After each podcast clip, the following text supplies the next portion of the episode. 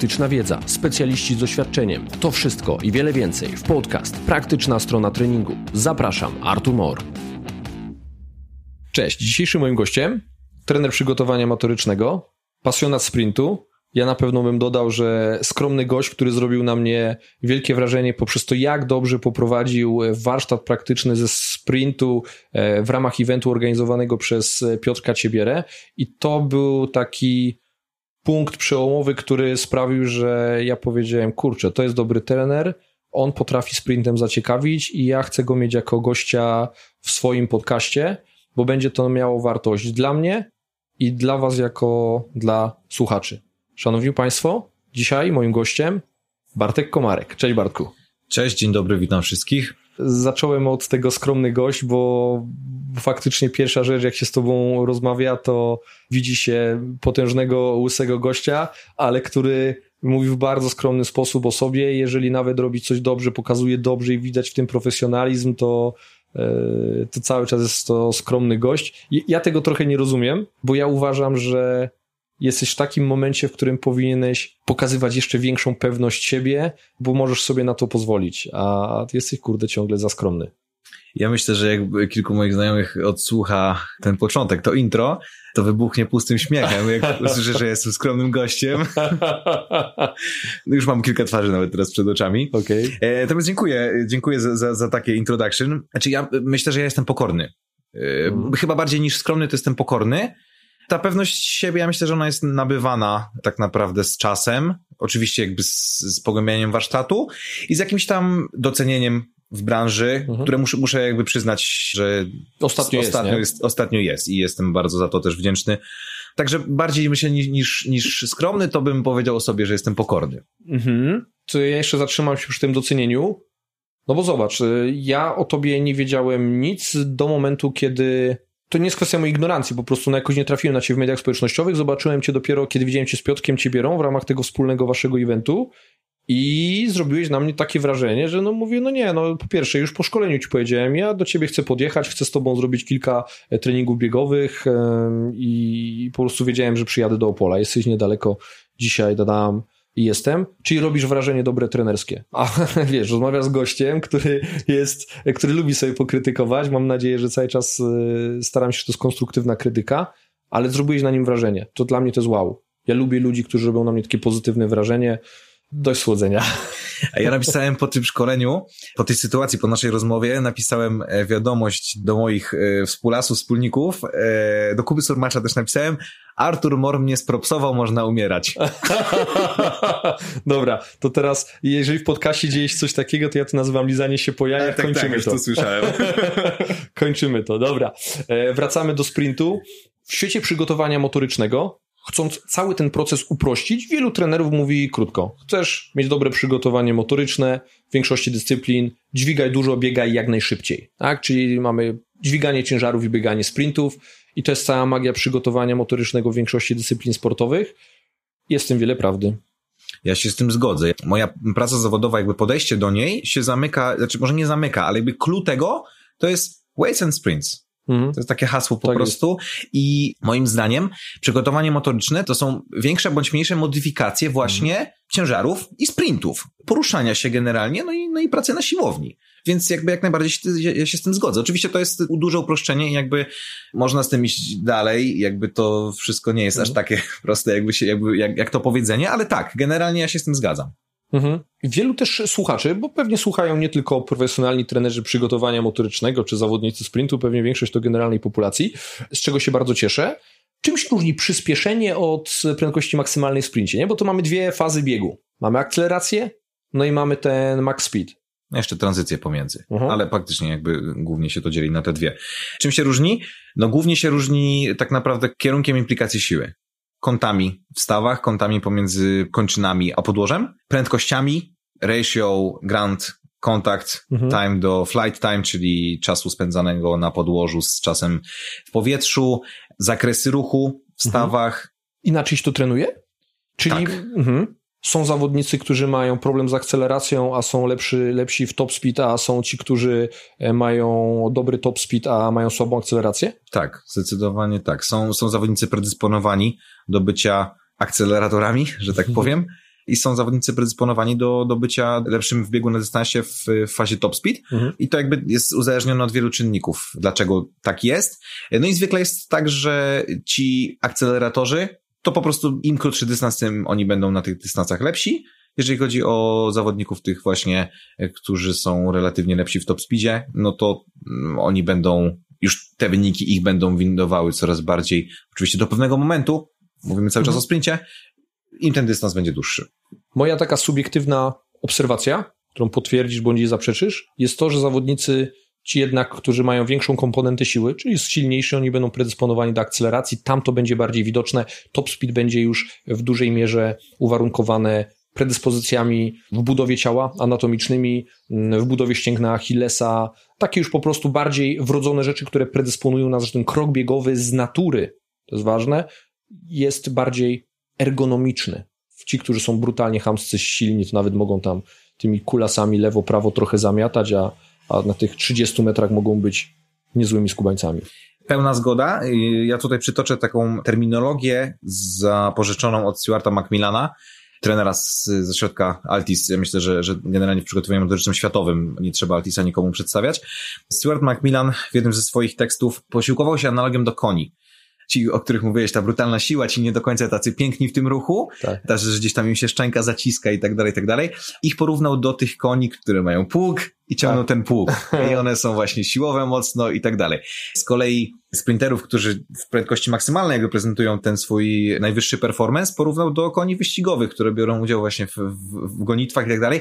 No i które się lepiej ogląda? No wiadomo, że te drugie, one są, one biegają z gracją i tak dalej, i tak dalej. Także zdecydowanie odnosząc się bezpośrednio do pytania, tak, ci tacy siłowi, koncentryczni zawodnicy będą faktycznie zwykle na tych pierwszych metrach lepsi niż ci dostojni, że tak mhm. to ujmę. Ja bym chciał podać przykład legendarny absolutnie, Ben Johnson na przykład. Jego odwieczny rywal Carl Lewis, bardzo fajna ogólnie, bardzo, bardzo fajne dwa przykłady. Ben Johnson, koń, brzydko mówiąc, mhm. po prostu to, przy tej analogii zostając. Tak jest. Przyspieszenie, no kosmiczne wyjście z bloku, po prostu rakieta.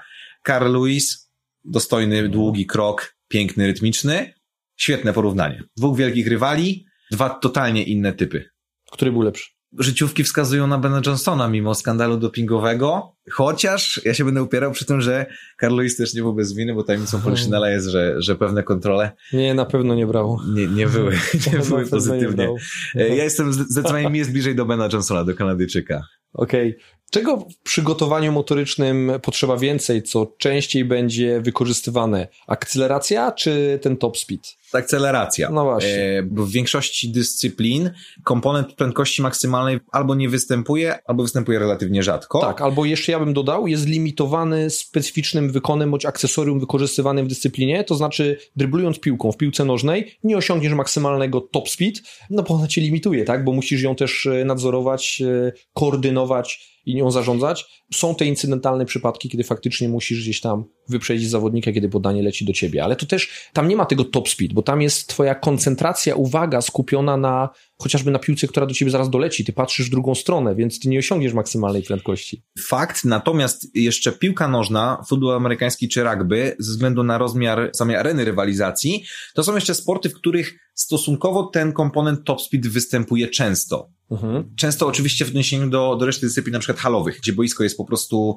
dużo krótsze, w związku z czym no, szanse na osiągnięcie tej maksymalnej prędkości są małe. Natomiast, tak jak mówisz, są bodźce rozpraszające. To nie jest sprint y, lekkoatletyczny, gdzie masz dotrzeć z punktu A do punktu B i całą energię masz skupić właśnie na tym biegu do przodu. Natomiast no, jeszcze te dyscypliny faktycznie ten top, ten V-max tam jeszcze gdzieś tam będzie występował czasami. Mhm. Natomiast y, też warto sobie powiedzieć, że treningu pod prędkość maksymalną z przygotowania motorycznego wykluczać w zasadzie nie można, dlatego że różni są zawodnicy i różni zawodnicy, zawodnicy dysponują różnym potencjałem do przyspieszania i różną w ogóle wartością prędkości maksymalnej. Chodzi mi o to, że są zawodnicy, którzy będą przyspieszać bardzo długo, Mhm. Czyli ich charakterystyka jakby, no, no, ich potencjał szybkościowy jest potężny, zbliżona jakby gdzieś tam do, do tych elitarnych e, mhm. szybko biegaczy z bieżni lekkoatletycznych. No i u nich jakby ten top speed będzie następował późno, mhm. dlatego, że będą długo przyspieszać. Ale są zawodnicy wolniejsi, którzy swój top speed osiągają relatywnie szybko, powiedzmy, no kilkanaście metrów nawet się to zdarza. W związku z czym tutaj należy się zastanowić, nawet w, w grach halowych będzie to miało znaczenie, prawda? Oczywiście, akceleracja jest kluczowa w sporcie zespołowym, czy generalnie w każdym sporcie, w którym występuje komponent sprintu, Natomiast top speed też jest ważny w sporcie mimo wszystko i nie można go bagatelizować i biegać tylko i wyłącznie na dystansach 0,5 y, czy 0,10 metrów. Nie? Mhm. Okej. Okay. Na ile uwarunkowania antropometryczne, o których sobie wspomnieliśmy i jesteśmy zgodni, że one są niezmiernie ważne. Nie? To jest trochę to, co mówimy sobie, że jest to składowa tego talentu, z którym się rodzisz, który determinuje poziom twojego mistrzostwa w jakimś wykonie na ile one są obligatoryjne. Czy są odstępstwa od tej reguły, czyli czy mamy kogoś, kto wygląda jak taki, hmm, taki karakan niestworzony do sprintu, jest cholernie szybki. Czy są takie case'y? Czy są osoby, które są poza tą średnią populacyjną w mistrzostwie w danym wykonie? Zdecydowanie tak, natomiast ja bym to jednak zamknął w, w wyjątkach potwierdzających regułę, bo, mhm. bo pewne właśnie zasady, nazwijmy to antropometryczne, no, no będą na, nam dawały już pewien pogląd na to, z jakim atletą mamy do czynienia i czy on będzie predysponowany. Krótka do... noga, długi tułów, to, to już nie jesteś sprinterem. Ciężko, ciężko. Może te pierwsze metry tutaj będą dobre, ale, ale jakby już później no ciężko będzie to faktycznie mm, rywalizować z kimś, kto ma powiedzmy długą kość udową i, i tak dalej, i tak dalej. Natomiast są, są tacy zawodnicy nawet na parkietach koszykarskich, w związku z tym, że ja na co dzień też pracuję w, w koszykówce, to obserwuję tych zawodników też ze względu na moje zboczenie zawodowe, nie pod kątem mhm. skilla koszykarskiego, bo się po prostu na koszykówce nie znam, tylko na tym, jak wygląda ich performance atletyczny, jak oni się ruszają i tak dalej, i tak dalej. To nawet sam widzę takich zawodników, którzy patrzysz na gościa i myślisz sobie, co on robi na tym boisku, przecież, a, a później patrzysz, jak on przyspiesza, jakie, jakie ma kąty natarcia i tak dalej, i tak dalej, no i, i to są, ja mówię o koszykówce, ale generalnie pewnie w innych sportach też są tacy zawodnicy, którzy, który, o których byś nie powiedział. Także dochodząc do konkluzji, na pewno budowa daje nam pewne przewagi i zazwyczaj jest dobrym wyznacznikiem tego, jak ocenimy na pierwszy rzut oka potencjał takiego mhm. zawodnika. Natomiast no, na pewno wyjątki od reguły są. Pytanie, które zadałem Ci na warsztacie, który prowadziłeś, mianowicie, którzy zawodnicy są najszybsi, z których dyscyplin ja zapytałem się ciebie o porównanie piłka nożna, futbol amerykański, jakie osiągają maksymalne prędkości, no i porównanie względem prędkości, które osiągają sprinterzy, którzy startują na bieżni. Mówi się, że futbol amerykański, no to są albo tak samo szybcy goście jak sprinterzy, albo powiedzmy minimalnie pułap niżej, no i oni są zwykle w drugiej kolejności. A bywa tak, że są to zawodnicy, którzy nawet w koledżu jeszcze rywalizują i tu i tu, w związku z czym no, jest to elita. Jest to mhm. elita po prostu kręcąca się w, nawet w okolicach 10 sekund. Podobnie jak w Katowicach. Pozwolę sobie przytoczyć yy, przykład Tyreeka Hilla. No absolutnie, absolutnie wybitny, elitarny atleta który rekord życiowy ma poniżej 10 sekund, jeśli dobrze pamiętam, na 100 metrów. Dzisiaj jest y, czołowym graczem NFL, tam po, po różnych perturbacjach życiowych się do tej ligi dostał. Wcześniej wydawało się, że jednak będzie sprinterem na poziomie olimpijskim. No, później y, jego jakiś tam, nazwijmy to, nieokrzesany charakter e, sprawił, że musiał troszeczkę się pożegnać ze sportem hmm. E, zawodowym na, na pewien czas. Dzisiaj jest gwiazdą NFL przez duże G czołowym zawodnikiem na swojej pozycji, przez to po prostu, że jest diabelnie szybki. Można sobie Tyreek Hill wpisać sobie na, na YouTubie, zobaczyć po prostu jakie akcje on, on robi. Także wracając do sedna, futboliści z reguły ci futboliści biegający, czy z piłką, czy odbierający podania, czyli pozycję skrzydłowego, wide receiver, czy biegacza, running back, bo to są zazwyczaj najszybsze pozycje, ewentualnie tam jeszcze cornerback, to są zawodnicy najszybsi, e, najszybsi atleci, jeśli chodzi o, o gry zespołowe. Oczywiście w piłce nożnej też freaków znajdziemy, prawda? Ale tak podchodząc do ogółu, to futboliści ze sportów, ze sportów zespołowych to jest generalnie naj, najszybsza grupa. No ja też mój drugi umiłowany sport przytoczę, czyli bobsleje, bo tam, bo tam też są szybcy goście, ale to wynika z tego, że zazwyczaj to są zawodnicy, którzy mają jakiś background sprinterski. Bywa też tak, że są to, że jacyś tam elitarni sprinterzy próbują swoich sił w bobslejach. Tak było w Stanach z naprawdę dwoma zawodnikami, którzy byli podporami amerykańskiej sztafety 4 ze 100, czyli no elita elit i oni też gdzieś tam rywalizowali, starali się rywalizować w bobslejach. No i tam też musisz być cholernie szybki, tylko to jest trochę inne bieganie niż, mhm. niż lekkoatletyczne. Jesteś w stanie mi doprecyzować, bo teraz powiedziałeś o bobslejach, ale ja lubię cyferki. Mhm. Nie dają mi czasami spokoju. Mhm. Jaką prędkość osiągają sprinterzy taką top speed? Taką top top, no to 40 plus na godzinę. Aha, a piłkarze nożni futboliści amerykańscy, pamiętasz? Piłkarze na, na pewno poniżej, poniżej 40. Futboliści, no rzadko biegną też taki dystans, Natomiast no, jest, to, jest to faktycznie zbliżona wartość do tych, do tych 40. Nie jestem w stanie teraz przytoczyć mhm. jakby co do... Ja pamiętam mhm. właśnie, wiesz dlaczego to pytanie jest, to ono jest trochę tendencyjne, bo chciałbym utrzeć nosa piłkarzom nożnym, ale z tych e, wartości liczbowych, do których mnie udało się dotrzeć, nie, nie mogę zweryfikować dokładności tych źródeł i tego, na ile, na ile to są realne wartości. Piłkarze nożni futboliści amerykańscy mieli tam około 34-36, większość z nich przynajmniej, mhm. kilometrów na godzinę, którą osiągali. Te wartości były podobne. Czyli tu nie było takiej sytuacji, że nie no, ci jednak futboliści amerykańscy bezwzględnie byli szybsi. Nie wiem, czy uwzględnione były te postaci, o których ty wspomniałeś. No właśnie, ja chciałem powiedzieć, że głównie mam na myśli tych, tych tą elitę. Tak, tą mhm. elitę tych, tych sprinterów, czy, czy byłych sprinterów, y, czy, czy wciąż jakby rywalizujących w tych dwóch dyscyplinach. No natomiast y, szczerze, jakby jestem w stanie zaryzykować stwierdzenie, że nie ma piłkarza, który by pobiegł y, poniżej dychy w tej chwili mhm. na stówę. Mhm. Tyreek Hill to jest zawodnik, zresztą nie tylko on, bo jest też yy, Metcalf, taki też yy, bardzo znany skrzydłowy. No jest, jest naprawdę kilku, kilku szybkich gości. Też historia zna w NFL kilku bardzo szybkich yy, zawodników. Adrian Peterson, Chris Johnson czy John Ross. Chore wyniki, jeżeli chodzi o 40 yard dash. Natomiast najszybszy 40 yard dash w historii należy do, do rekordzisty świata na 60 metrów e, hmm. Christiana Colmana, nie? który został sprawdzony jakby, żeby się tam skonfrontować faktycznie tą, tą sprinterską szybkość i, i futbolową, więc jednak szybko biegacze bieżni tak, tak, e, wygrywają. E, odnosząc się do piłki nożnej, tak, bo ci najszybsi zawodnicy, oni będą mieli zbliżone jednak te wartości, dlatego że no, to nawet wynika z tego, że w, w Stanach jest, futbol jest number one, w, w Europie piłka nożna, a w Europie też mamy dużo na pewno talentów sprinterskich w krajach jak chociażby Wielka Brytania, Francja, tam jest sporo szybko biegających piłkarzy, no i ci grają w piłkę nożną w Europie, tam ci grają w futbol w Stanach, więc, więc to jest całkiem logiczne, że te wartości faktycznie będą, będą do siebie zbliżone. Mhm. Na ile inne jest testowanie akceleracji top speedu u piłkarza nożnego, u futbolisty amerykańskiego, na ile one jest specyficzne? Samo testowanie to są suche cyfry, w związku z czym jakby sam test akceleracji czy tu, czy tu będzie taki sam. Natomiast też warto powiedzieć o tym, że akceleracja w, w sprincie trwa zwykle dłużej, faza akceleracji, dlatego że i dystans pokonywany docelowy jest dłuższy. I tutaj się odniosę do tego, co mówiłem przed chwilą a propos tego, kiedy osiągamy top speed. Najlepiej biegający, najszybciej biegający będą dłużej przyspieszać. Piłkarze zwykle będą przyspieszać krócej, ale oni też nie potrzebują tak długo przyspieszać. Sprinterzy też biegają na krótkich odcinkach, też testują dziesiątki, dwudziestki, trzydziestki. Mhm. Natomiast no, w, w piłce nożnej no, i czy jest sens testować na przykład 80-metrowe sprinty, testować? No, no, nie ma to sensu, bo to nie będzie miało realnego, to nie jest specyficzny dystans dla, dla mhm. dyscypliny. Więc samo testowanie jest podobne, bo tak jak mówię, to są suche dane, po prostu mhm. liczbowe, albo, albo przyspiesz, albo jesteś szybki, albo nie jesteś szybki. Tak jest. No ale sam trening już no, no ma pewne swoje jakby specyficzne różnice, specyficzne dla, dla każdej z dyscyplin.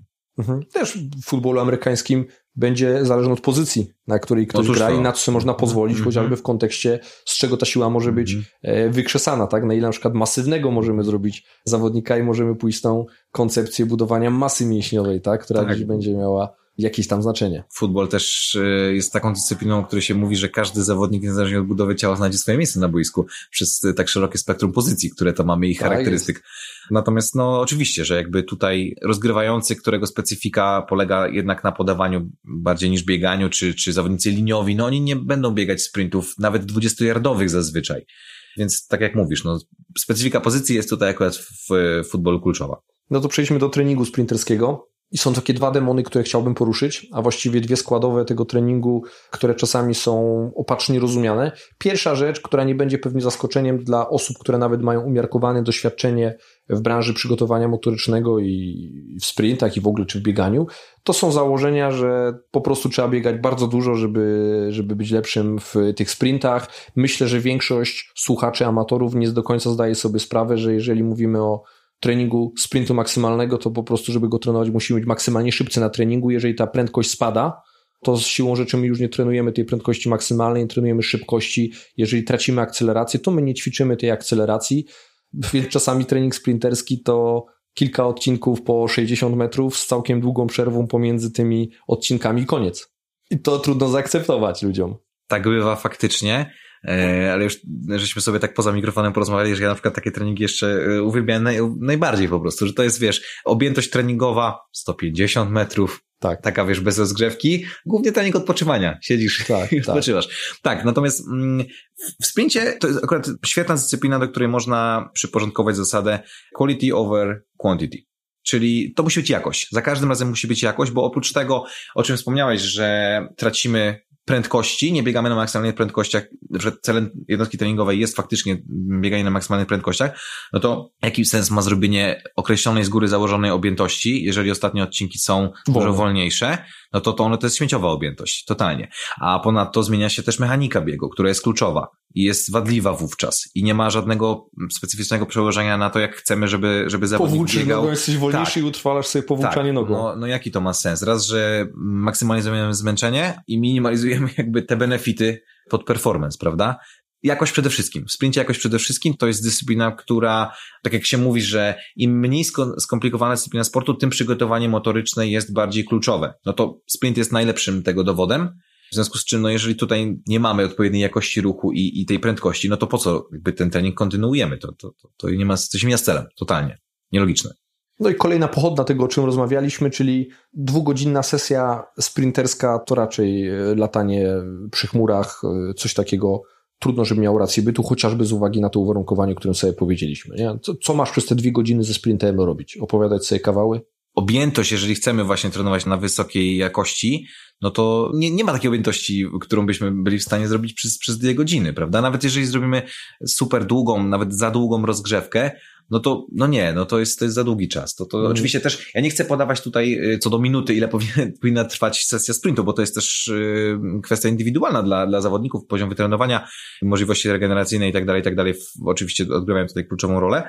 Natomiast y, zwykle jest tak, że zawodnicy spędzają na, na treningu nawet więcej niż, niż dwie godziny. Bywa, że, że spędzają trzy, bywa, że robią ciężki trening siłowy. Oczywiście za ciężki, za długi. Objętość taka, która absolutnie nie ma opcji, żeby się na czysto z tego zregenerować i później idą biegać szybko jeszcze po tym, nie? Mhm. No to no efekt mamy taki, że mamy... Idą biegać, a nie biegać szybko. Już w założeniu wtedy. biegać szybko, tak, a idą człapać. Idą człapać i, i, i sklejają się z tartanem przy, na, na, każdym, tak. na każdym kroku.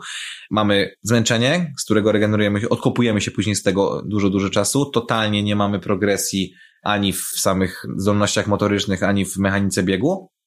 Ale co jest najgorsze, że tak się trenuje, ja nie chcę też demonizować jakby polskiej szkoły, chociaż jest, jest dużo błędów cały czas, to, to widać jakby na, na, na bieżniach lekkoatletycznych. To nie tylko ty widzisz, ja się odniosę do tego, co chyba dwa tygodnie temu, czy trzy tygodnie temu Kuba Liberski, e, ortopeda, z którym ściśle współpracujemy, powiedział, zadzwonił kiedyś do mnie, chcąc powiedzieć, że wysłał do mnie pacjentkę ze złamaniami, złamaniem zmęczeniowym kości piszczelowej, wspomniał coś takiego, kurczę, lato idzie, zaczynają się chyba już jakieś tam mistrzostwa Polski na jakichś dystansach e, w biegach, bo zaczyna się wysyp e, zawodników ze złamaniami zmęczeniowymi i to się tyczyło różnych dystansów, od tych krótszych po te dłuższe, które bardziej jeszcze są predysponowane do tego typu kontuzji. To jest świadomy ortopeda. On e, prowadząc wywiad, rozmawiając z tymi zawodnikami, większość, jak jeden mąż raportuje, że tam są ogromne objętości, że oni czują się zmęczeni, że oni dużo biegają, że im bliżej tego sezonu, to jeszcze ma jest więcej tych biegów. Słychać w tej rozmowie, to słyszy nawet ortopeda, że tam jest czegoś za dużo i to już podpowiada intuicja. A gdzie tu w takim razie jest ten zdrowy rozsądek, gdzie jest ta wiedza trenerów, którzy dopuszczają do tego, że kiedy zbliża się sezon startów w biegach na różnym dystansie, jest wysyp kontuzji w postaci złamań zmęczeniowych u, u zawodników i zawodniczek tym bardziej. Bardzo mi przykro to mówić, ale wiedzy nie ma. Bo to jest y, takie bro science trochę, powielanie z pokolenia na pokolenie. Żeby to tego... była komponenta science. E. ja myślę, że tam tak to jest. są takie przekazywanie sobie prawd z dziada pradziada. Bo zadziałało 40 lat temu no to musi zadziałać znowu. No i to jest właśnie takie powielanie błędnych schematów niepopartych w żaden sposób nauką i y, nowymi trendami, które, no, które też się odnoszą do nauki, bo, bo to cały czas ewoluuje i są pewne nowinki w treningu sprinterskim. To też nie jest y, żadna, sprint nie jest żadnym, żadnym przypadkiem, że błędem trenerów jest po prostu to, że się nie edukują, tylko powielają schematy. I też Ślepo patrzą na to doświadczenie, które zdobyli, wiesz, no Ja mam w ogóle problem z tym doświadczeniem. Na tyle, że w ramach takiej krytyki otwartej jednej osoby, która rzuciła we mnie pomidorem z trzeciego rzędu e, wczoraj, wrzuciłem taki cytat z publikacji Zakaz 99 roku i wygląda on tak, doświadczenie kliniczne w tym przypadku, ale możemy odnieść do doświadczenia w kontekście treningu sportowego bez dowodów, to nic innego jak popełnianie tych samych błędów z coraz większą pewnością przez imponującą liczbę lat. To zamyka temat doświadczenie versus dowody. Tak, i to też często niestety skutkuje tym, że zawodnicy wchodząc w wiek seniorski, mając ledwo powyżej 20 lat, są wyeksploatowani. No sorry, ale to jest, to są, no nie są zawodnicy, którzy nawet są blisko swojego primu y, fizycznego rozwoju, a oni w wieku 21-2 lat już w zasadzie nie chce im się trenować, bo, bo ty byś chciał z bólem trenować codziennie? Jakimś stawów i tak dalej, i tak dalej. Nikt nie chce. Można mieć zajawę. Tak, można mieć zajawę, można mieć do tego pasję, ale jeżeli po prostu stajesz dzień w dzień z łóżka i czujesz się po prostu obolały, to ci się nie chce po prostu. Najgorsze jest to, że ta edukacja też jest tak prowadzona, że tak powinno być bo im mocniej, tym lepiej, nie? I im więcej, tym lepiej. No ale no niestety sprint nie jest taką dyscypliną, która ci to odda. Im dłużej trenuję, im dłużej jestem trenerem przygotowania motorycznego, im dłużej trenuję amatorsko, tym bliżej mi do bardzo zmodyfikowanej, ale mimo wszystko koncepcji periodyzacji spolaryzowanej. Czyli chcemy, ażeby występowały w planie treningowym jednostki o dwojakim charakterze. Maksymalnie intensywne te high i minimalnie intensywne te low, a te jednostki medium, które budują nam taką objętość, mówię w kontekście przygotowania motorycznego, to zawsze zadaję sobie pytanie, po co dana jednostka jest? Czy ona jest takim sztucznym wypełniaczem, czy tworzę tam intensyfikację tego wykonu sportowego, tam jest ten rozwój, czy w kontekście adaptacji architektonicznych, strukturalnych, czy adaptacji funkcjonalnych, na przykład zwiększenie peak force w jakimś konkretnym wzorcu ruchowym, czy to jest jednostka regeneracyjna low, gdzie możemy poprawić ekonomizację, popracować nad, albo chociażby stymulować w taki delikatny sposób regenerację poprzez mechanotransdukcję, tym bodźcem ruchowym i tak dalej, i tak dalej. A co, co robi ta jednostka medium, nie? Czyli w przypadku sprintów odnieśmy bieganie na 70% albo 80%, no bo to jeszcze powiedzmy, że tam te 80 przyjmijmy. No. Co robi? No daje ci śmieciową objętość. Tak, po prostu bieg, będziesz biegał na 80% swoich możliwości. Tak i jak mechanika biegu na 80% ma się do mechaniki biegu na, na 100% na zawodach? No nijak się ma. Nie jest to też taka intensywność, która zapewni ci aktywną regenerację, i teraz pytanie, z czego to wynika, że takie, że jednostki o takiej intensywności są cały czas implikowane w, w planach treningowych?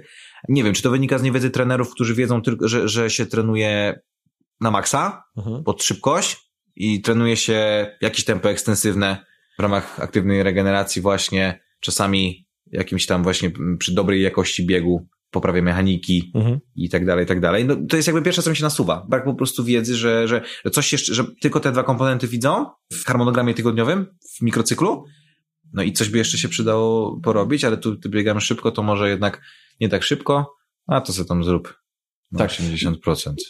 Trenerzy i głównej dyscypliny i przygotowania motorycznego, mam wrażenie, żyją w takim błędnym przekonaniu, że ta próba intensyfikacji cały czas, czyli to wszystko, co jest high, co jest na maksa, co jest intencją maksymalnej szybkości, maksymalnej mocy i tak dalej, i tak dalej, to musi być limitowane. Nie może tak robić cały czas, bo to będzie przeciążało. No dobra, tylko to jest ten overload. Ty masz dobrać częstotliwość, masz dobrać objętość tego intensywnego bodźca, po to, żeby właśnie nie dostać tych działań niepożądanych, efektów niepożądanych, a żeby tylko te wisienki zbierać z tego tortu dzięki tym działaniom.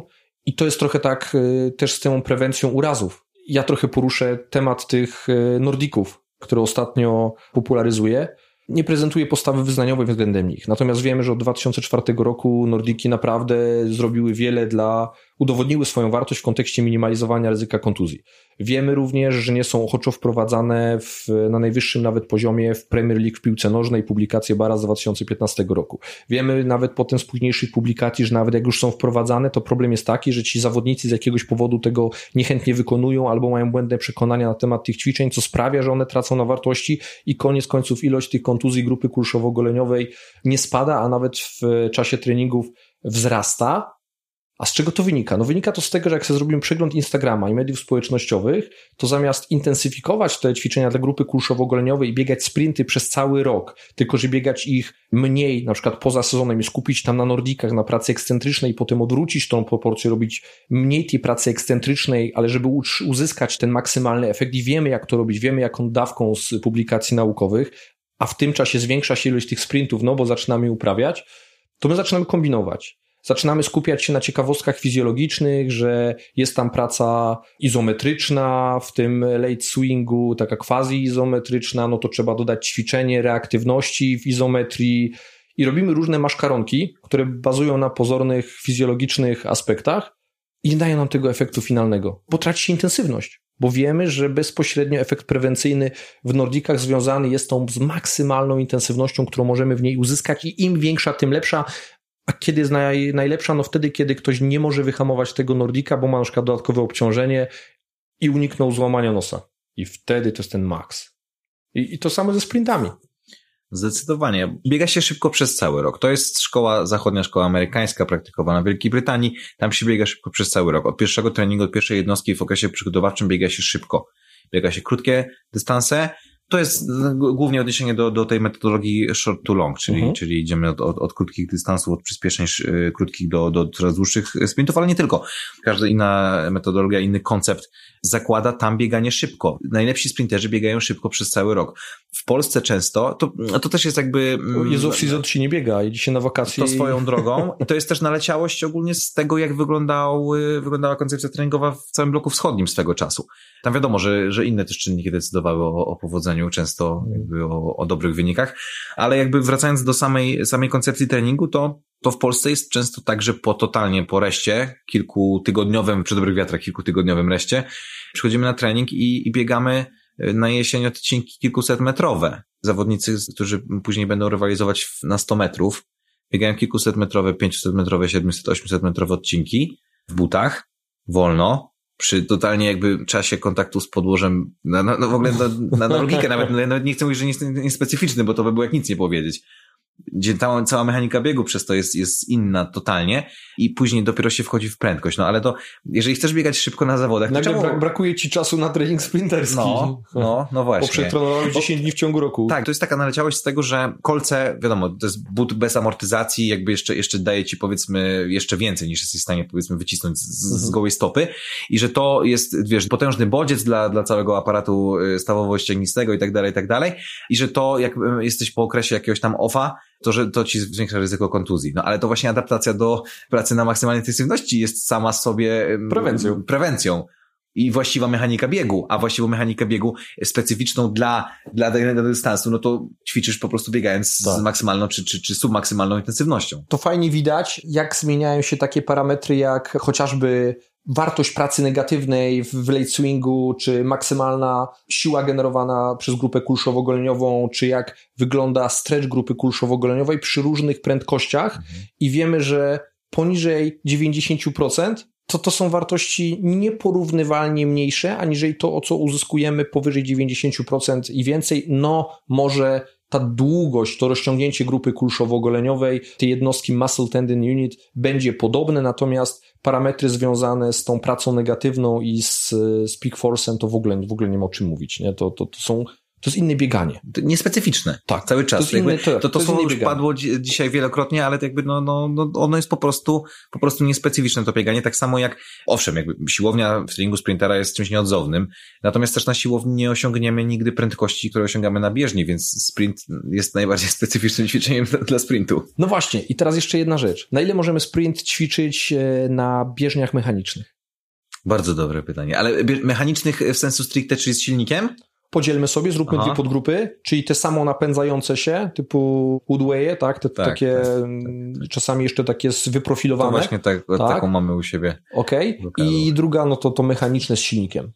Na mechanicznych są takie urządzenia. Szczerze mówiąc, w Europie jeszcze nie widziałem nigdzie nawet w mediach społecznościowych, żeby były, mhm. ale mówię o takich, które sobie ustalasz tam do, do takich chorych prędkości, nawet, nawet Supramaxem możesz na, nie, na nich biegać. Bardzo proste konstrukcje, nie wiem, czy wiesz o czym mówię. Bardzo proste konstrukcje, masz tylko platformę, ewentualnie jakieś, jakaś rama, rurka po prostu bez żadnych zbędnych gadżetów, minimalny monitorek tam do, do ustawienia y, czerwony guzik do wyłączenia.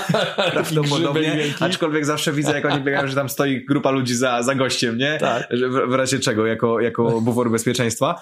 E, no i, i to może ewentualnie tam nachylenie jeszcze zmierzyć. To są bieżnie, które mają jakiś tam, jakąś tam rację bytu, bo faktycznie możesz tam biegać e, maksymalne prędkości, w związku z czym ta mechanika jest odpowiednia. Mhm. Natomiast to nigdy nie będzie tak dobre rozwiązanie jak treningi overspeed przy wykorzystaniu specjalistycznej aparatury w stylu 1080 sprint, mhm. E, które cię ciągną po prostu z, z odpowiednio precyzyjnie dobranymi parametrami, mhm. dają ci odpowiednie odciążenie, prawda? Tak. Więc wracając, takie bieżnie, ok, natomiast takie fitnessowe bieżnie, jeżeli chcesz sobie biegać sprinty na koniec treningu, jesteś kimś trenującym rekreacyjnie i dla ciebie bieganie sprintem to jest te powiedzmy 21 22 km na godzinę, zwykle te bieżnie mają taki limit, mhm. nie, nie szybszy, no to okej, okay, spoko. Jest to dla mnie tak mimo wszystko bardziej ekscytujące niż bieg długodystansowy mhm. i jest to w porządku. Natomiast to nie będzie na pewno narzędzie, które da ci wymierny, stosowanie go da ci wymierny efekt w kontekście treningu sprintu. Bieżnie samonapędzające się, wiadomo, to jest pewien kompromis, bo nie ma tam zwykle prostego podłoża, mhm. tylko jest konstrukcja zakrzywiona, w związku z czym jakby też y, i, i nacisk na, na, na stawy jest inny, generalnie na cały aparat ruchu jest inny, te kąty implikacji siły są troszeczkę inne, no i na tej bieżni ona zawsze będzie pewien resistance miała, pewne obciążenie, na niej y, no, nie, nie pobiegniesz na maksa. I to nawet wynika wiesz z percepcji, bo biegasz sprintem, no to Świat, tak. ucieka ci to, Zatrzymuje prawda? się czas, tak. w miejscu jesteś tylko ty tak. i koniec. A tutaj niby biegniesz szybko, ale no, no, sama percepcja, nie jesteś po prostu, nie jesteśmy w stanie na takiej bieżni wykrzesać 100% możliwości. To może być pomocna aparatura, mówię jako kompromis, jest mniejsza kompresja też na, na stawy, w związku z czym gdzieś tam, kiedy jest na przykład taki dzień, jakiś uraz się pojawia, a chcemy jednak mimo wszystko być w tym treningu biegowym, to może się sprawdzić. Może się to sprawdzić jako imitacja sleda, bo takie bieżnie, niektóre modele mają możliwość ustawienia obciążenia i będzie to też pod trening akceleracji jakiś tam, jakiś mhm. tam akcesorium. No ale no, nie jesteśmy w stanie tam zdecydowanie, to mówię z, z pełną odpowiedzialnością, strenować na, na takich bieżniach samonapędzających się prędkości maksymalnej sensu stricte. Płynnie przechodzę do pytania ocena techniki biegu poprzez nagranie wideo, czyli taka wideoanaliza i wysnuwanie wniosków na podstawie bieżni, czy ma sens i ma jakiś realny transfer do tego, co się dzieje na bieżni, czy ma to jakieś ograniczenia? Pytasz o analizę na bieżni mechanicznej, czy tak, y- tak, na bieżni mechanicznej, no albo na tym Woodwayu. Będzie miało. Odniosę się do poprzedniej wypowiedzi, że będą troszkę też inne kąty natarcia, stopa będzie, propulsja będzie inna. Mhm. Także musimy to wziąć pod uwagę, że to nie będzie idealnie odwzorowywało biegu po płaskiej zawierzchni, Mhm. Natomiast jesteśmy w stanie, zdecydowanie jesteśmy w stanie tam, tam wychwycić pewne błędy, bo analiza wideo sama w sobie y, to jest y, coś, co trener y, pracujący z, ze sprinterami, jakiś tam trener sprintu, musi po prostu stosować, musi. To jest, to jest totalnie jakby mm, no doubt. Mhm. Nie, nie, ma, nie ma dyskusji z tym, po prostu musi. I też ogólnie to jest bardzo mądre zdanie, że każdy trener przygotowania motorycznego w jakimś sensie powinien znać się na sprincie. Mhm. To jest tak podstawowy wzorzec lokomocji, że musi to jakoś liznąć, prawda, w jakimś mhm. stopniu. Natomiast analiza wideo tak, ogólnie oczywiście w, zawsze, przy, przy każdej ewaluacji, przy jakimś tam asesmencie, który robimy na, na początku, czy, czy jako kontrola postępów, zawsze na bieżni mechanicznej, jeżeli tylko taką możliwość mamy, zawsze będzie to lepsze niż działanie na chybił trafił bez, bez mhm. wychwycenia mhm. kluczowych pozycji, kątów, ewentualnych błędów, jakie, jakie chcemy w tej, w tej diagnostyce wychwycić. Ale lepiej na normalnej bieżni. Zdecydowanie. To taki tak, w warunkach naturalnych. running, tak, nie? bo tak, to, to tak. będziemy tak to nazywali. Tak. Dobra, dwa kontrowersyjne tematy dla mnie, dla badaczy. Jak ty to widzisz? Mianowicie nie ulega wątpliwości, że pewne modyfikacje techniczne, standardy techniczne, specyfika wykonu związana z techniką będzie wpływała na performance. Nie? Czyli wiemy, jak mniej więcej, jakie uwagi dawać, jakie internal Q, jakie external Q, jakie te uwagi dawać, ażeby ktoś biegał szybciej, jak ta technika powinna wyglądać, ale czy jest to równie ważne w kontekście minimalizowania ryzyka urazu? Ja wyrażę najpierw swoje zdanie. Lubimy analizować bieg jako fizjoterapeuci i mówić, że pewne składowe tego biegu, pewne składowe tej techniki mogą wpływać na to, że ten uraz się pojawi bądź nie i chętnie byśmy to najlepiej modyfikowali. I teraz, jeżeli odniesiemy się do tego, co wie nauka, no to ja mogę tylko przytoczyć wypowiedzi z kliniki Aspetar i oni są jakby jednoznaczni. Nie znamy żadnych dowodów dobrego predykcyjnego powiązania jakikolwiek pomiaru z rzeczywistą mechaniką szybkiego biegu naziemnego i nie wiemy jeszcze, jak mierzyć bieg z dużą prędkością u kogoś, kto jest obecnie kontuzjowany. To jest pierwszy cytat z e, ich wypowiedzi. Drugi cytat, dla mnie jeszcze istotniejszy. Sugerujemy, że wielkość wszelkich różnic będzie prawdopodobnie niewielka w porównaniu z możliwością przeciążenia wynikającego z prostych zmian w objętości i intensywności biegania. I teraz, czy jest sens na tym się pochylać w kontekście minimalizowania ryzyka urazu? Ja, kiedy robiłem wykład z e, hamstring injury, prewencji urazów grupy kulszowo-goleniowej i radzenia sobie z tym kontuzjami, kilku trenerów do mnie zadzwoniło jak zaczęliśmy rozmawiać, oni powiedzieli, no, że overstride to będzie ten czynnik, który sprawi, że to ryzyko kontuzji wzrośnie. No i wydaje się być logiczne, jak sobie nawet to biomechanicznie rozrysujemy, tak, tylko pytanie, czy to właśnie w kontekście tego, co teraz przeczytałem, czyli tej objętości, intensywności, tego, jak możemy się do tego zaadaptować i na ile jest sens poświęcać na to czas, kiedy musimy przede wszystkim poświęcać performance, czy to jest zasadne?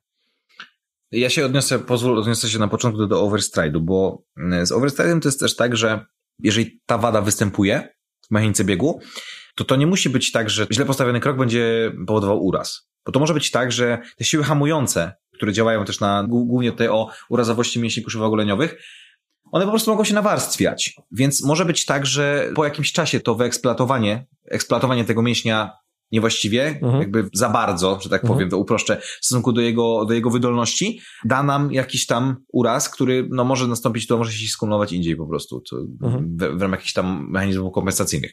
Pewne kanony y, mechaniki biegu są stałe, uniwersalne. Natomiast też y, nie ma czegoś takiego, że, że jedna idealna technika biegu można ją uporządkować do, do każdego zawodnika. Czy warto poświęcać na to czas?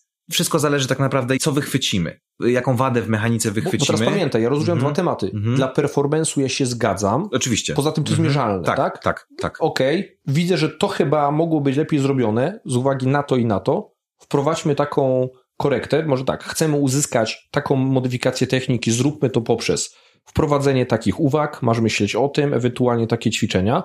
Poprawił się performance, super, osiągnęliśmy cel, wynik sportowy poprawił się ale teraz jak ja mogę zmierzyć, być pewien, że jeżeli mówię o tym samym w kontekście zapobiegania kontuzjom, że jest to rzeczywiście wymierne? I czy to nie jest to, co powiedzieli panowie z Aspetar, między innymi tam Wandyk, czy to nie jest trochę strata czasu i czy nie tracimy tego fokusu na rzeczy, które nie są tak ważne, jak myślimy? No może być, bo nie jesteśmy tego pewni. Tak jak panowie powiedzieli, to jest na tę chwilę nie, niezmierzalne, prawda? Więc możemy się domyślać, kombinować, szukać i, i jakby mm, korzystać z dobrodziejstw nauki, no ale faktycznie no, na, na tę chwilę nie da się odpowiedzieć jednoznacznie, no bo no, nie ma na to dowodów, prawda? Mhm. Są pewne przesłanki ku temu, są pewne odstępstwa od tych kanonów, o których powiedziałem, mhm. które faktycznie, nawet właśnie z punktu widzenia biomechaniki, będą nam zwiększały po prostu ryzyko urazu, mhm. no ale wciąż no nie jestem w stanie jednoznacznie odpowiedzieć na to pytanie. Tak jest. Tak jak mówisz, jakby performance, jakby jeżeli mamy faktycznie na systemie mierzenia czasu lepszy wynik po korektach technicznych, super, wykonaliśmy dobrą robotę.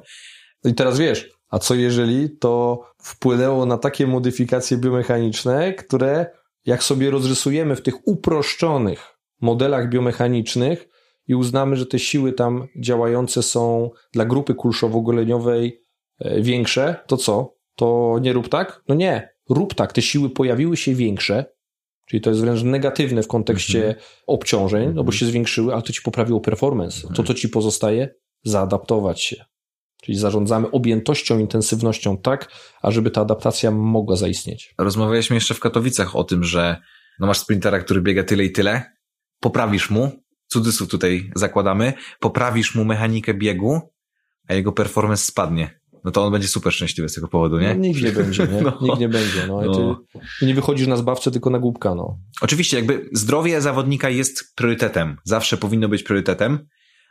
Natomiast to jest temat bardzo, tak jak powiedziałeś, kontrowersyjny, śliski. Póki co nie mamy takich dowodów, twardych dowodów na to, że to, że to będzie... No wiesz, zawsze jak z wszystkim, bierzemy pod uwagę rzeczy, które mają w naszej pracy są ważne i te, na które mamy wpływ, nie? No, czyli te, które mają znaczenie, na które mamy wpływ. Jeżeli coś jest ważne i mam na to wpływ, na tym się skupiam w pierwszej kolejności. Jeżeli są czynniki ryzyka kontuzji, to zawsze zadaję sobie pytanie, czy to jest czynnik modyfikowalny, czy to jest czynnik niemodyfikowalny. Mhm. Jeżeli jest modyfikowalny, to odpowiadam sobie, jaka jest waga tego czynnika, czy on jest specyficzny dla danego zawodnika, czy dla danej dyscypliny, co ja mogę zmienić, czy warto się skupiać na tym, czas trenera, czas zawodnika, możliwości regeneracyjne, fokus na zadaniu w mojej ocenie są wybitnie ograniczone w sporcie dla, dla wyczynu. I teraz zarządzanie tym, wybieranie rzeczy najważniejszych i tych, na które mamy wpływ, to potem jest nauka, nie? Ona to sprawdza. Ona sprawdza, czy dana interwencja przyniosła konkretny skutek u danego sportowca na danym poziomie i w wymierny, wymierny sposób, no. Konkludując to, ja bym powiedział tak. Staramy się robić to, żeby wdrażać te podstawowe takie pryncypia odnośnie mechaniki biegu, które są na pewno poprawne, które mają realny wpływ na, na lepszy performance i w założeniu na zdrowe bieganie długie, wtedy będziemy mieli pewność, że zrobiliśmy po prostu to w, z czystą intencją, z, jakby zrobiliśmy wszystko, co, na co pozwala nam aktualny stan wiedzy, żeby tego zawodnika przed tą kontuzją zabezpieczyć. Mam nadzieję, że za jakiś czas nauka pójdzie na tyle, że da nam odpowiedź na to pytanie. Ilość badań, które się w tej chwili pojawia, jest geometrycznie postępuje, już mhm. nawet nie liniowo, więc każdy rok potrafi nas niezmiernie zaskoczyć, ale powinniśmy bazować na tym, co wiemy i niecierpliwie wyczekiwać czegoś, co może całkowicie wywrócić postrzeganie naszej praktyki zawodowej do góry nogami. Ale musi to nastąpić, żebyśmy mogli dopiero wprowadzić takie radykalne zmiany. Trochę brzmi to jak taka krytyka, że jak się biega wolno i biega długo, to to w ogóle z tym sprintem nie ma nic wspólnego i nie ma, nie ma miejsca na to, ale zadajmy takie pytanie, które może trochę wybronić fakt, że to bieganie wolno może być e, przydatne, czy sprinter potrzebuje wysokiego VO2 max i tego treningu kondycyjnego, nie? który może być realizowany poprzez bieganie? I drugie pytanie, czy może jeżeli już potrzebuje i zgodzisz się z tym, to może nie lepiej, żeby to było poprzez inny wzorzec ruchowy realizowany, na przykład poprzez wiosło czy rower? Chociażby, żeby nie zepsuć tej mechaniki biegu z wysoką prędkością? Odpowiedź brzmi tak, potrzebuję. Jeżeli chodzi o VO2 max, to generalnie się w sprincie na tym nie pracuje, nie bazuje Czasami, jeżeli faktycznie mamy do wykonania jednostki tlenowe, bo tlen też jest potrzebny w sprincie, to też nie jest tak, że, że, że się biega tylko na maksa. Wiemy, tylko... że jest kluczowy V2 max, jest parametrem, który jest związany z możliwościami regeneracyjnymi. Nie? Otóż to, właśnie do tego się chciałem odnieść, że w kwestii regeneracji, w kwestii work capacity, zwiększenia work capacity, ten tlen musi być. Po prostu, żebyśmy to lepiej to, to, to, tolerowali zmęczenie na wyższych intensywnościach i wówczas robi się po to trening kondycyjny, po to ten, ten, ten maksymalny pobór tlenu, e, jego poziom jest potrzebny. Jeżeli chodzi o, o to, co zaproponowałeś, czyli trenowanie jako active recovery, mhm. Y, nie sprint, to oczywiście ma sens i tak się robi też, bo sprinterzy jeżdżą sobie na rowerkach stacjonarnych, czy ogólnie na rowerach, tak się oczywiście robi, natomiast też biega się extensive tempo, tempo ekstensywne, czyli no jak sama nazwa wskazuje, niezbyt szybko, mhm w ramach aktywnej regeneracji, natomiast robi się to na krótkich odcinkach. Zwykle. Czyli sprinter 100-metrowy nie będzie biegał 500-metrowych odcinków, tylko będzie biegał na przykład kilkudziesięciometrowe mhm. z relatywnie niedługą przerwą wypoczynkową, ale wszystko jest robione na jakości.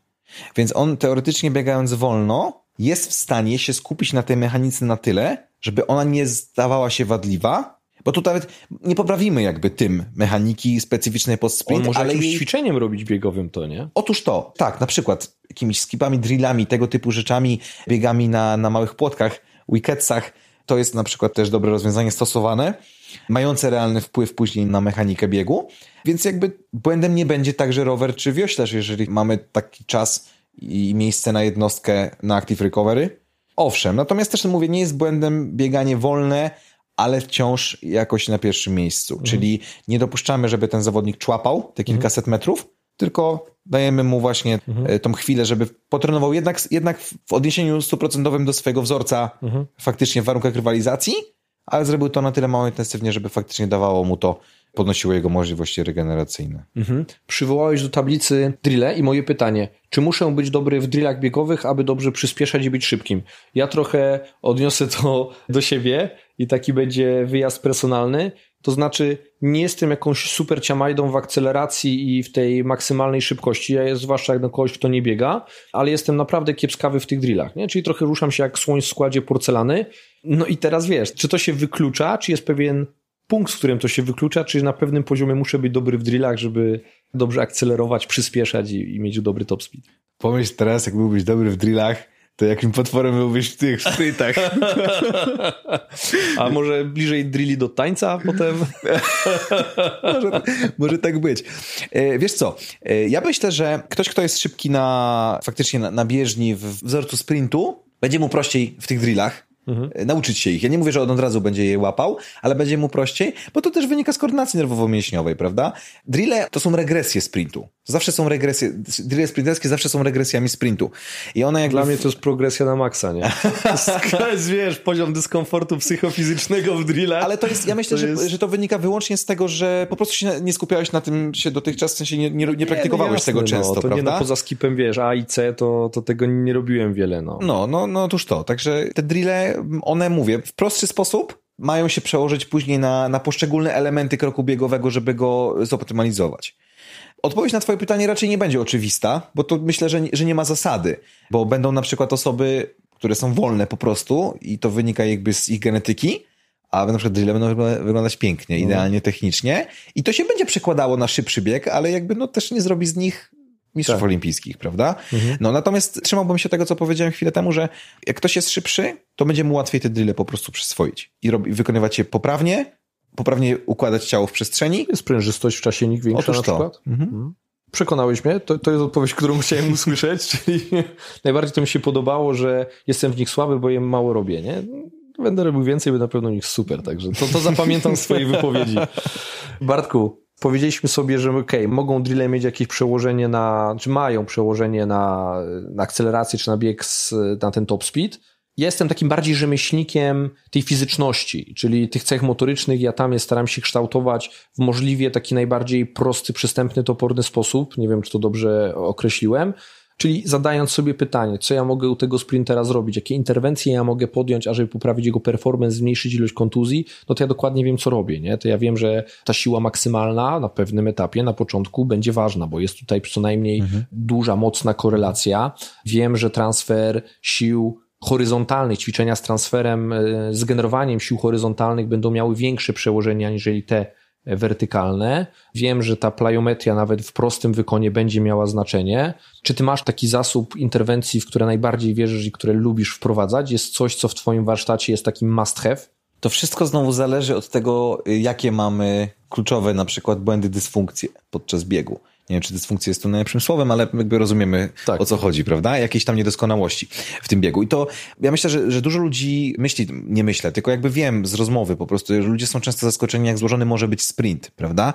Bo wydaje się, że po prostu wystarczy szybko przebierać nogami i, i, i biec do przodu. Natomiast tu naprawdę może być wiele błędów, wiele do poprawy w samej mechanice biegu, już nie mówię o samym, o samym capacity. Tylko... Ale właśnie to zostawiam, nie? No. Czyli to chcę odsunąć, nie? Mhm. Czyli korekcje techniczne, mhm. naukę techniki, drille zostawiam. Teraz idziemy w samo takie przygotowanie motoryczne, może fizyczne, okay. nie? Czyli okay. co tam robisz. Trochę tak podpuszczam cię chociażby pod tą izometrię, którą ostatnio widziałem w twoich Instastory. No to już jest y, taka dość specyficzna praca dla kogoś, kto jest powiedzmy w miarę usystematyzowany technicznie, bo to zawsze będzie ze sobą szło w parze, nie? Duże znaczenie ma to, na jakim poziomie zaawansowania i takiego właśnie usystematyzowania powtarzalności technicznej jest zawodnik, to będzie miał bezpośrednie odniesienie do tego, co będziemy robić z nim na siłowni. Jeżeli mamy na przykład kogoś początkującego, to podstawy będą na niego działać i mniej skomplikowane rzeczy. To jest wtedy bardzo klarowna droga do tego, żeby jego performance sprinterski wznieść na wyższy poziom, ponieważ będziemy gdzieś tam krok po kroku pracowali na większych prędkościach, robili ćwiczenia bardziej specyficzne, mhm. właśnie jakoś tam tak, e... Najpierw stworzymy jego atletyzm, a potem pójdziemy tak, jeszcze w te tak, detale. Tak, tak, to mam na myśli. Natomiast zawsze takim czymś, co faktycznie jest zawsze i wszędzie, to jest po prostu szybkie bieganie i praca na siłowni z maksymalną intencją. To tutaj akurat nie będzie nic jakby totalnie odmiennego od tego, jak się pracuje generalnie w przygotowaniu motorycznym w innych dyscyplinach sportu. Natomiast no, dochodzi do tego po prostu specyfika pracy i pewne deficyty, które mamy, no to nad nimi pracujemy, powiedzmy, no skupiamy się na nich bardziej, w zależności po prostu, co wychwycimy, co wychwycimy na, na, na tym całym asesmencie, na, na wideoanalizie, mhm. co jest danemu zawodnikowi potrzebne. To jest szerokie spektrum działań po prostu i dlatego sprint jest właśnie tak złożony i bardzo nie lubię, kiedy się go spłaszcza do biegania, szybkiego hmm. przebierania nogami, hmm. bo naprawdę tu jest dużo, dużo, dużo rzeczy można, można wychwycić.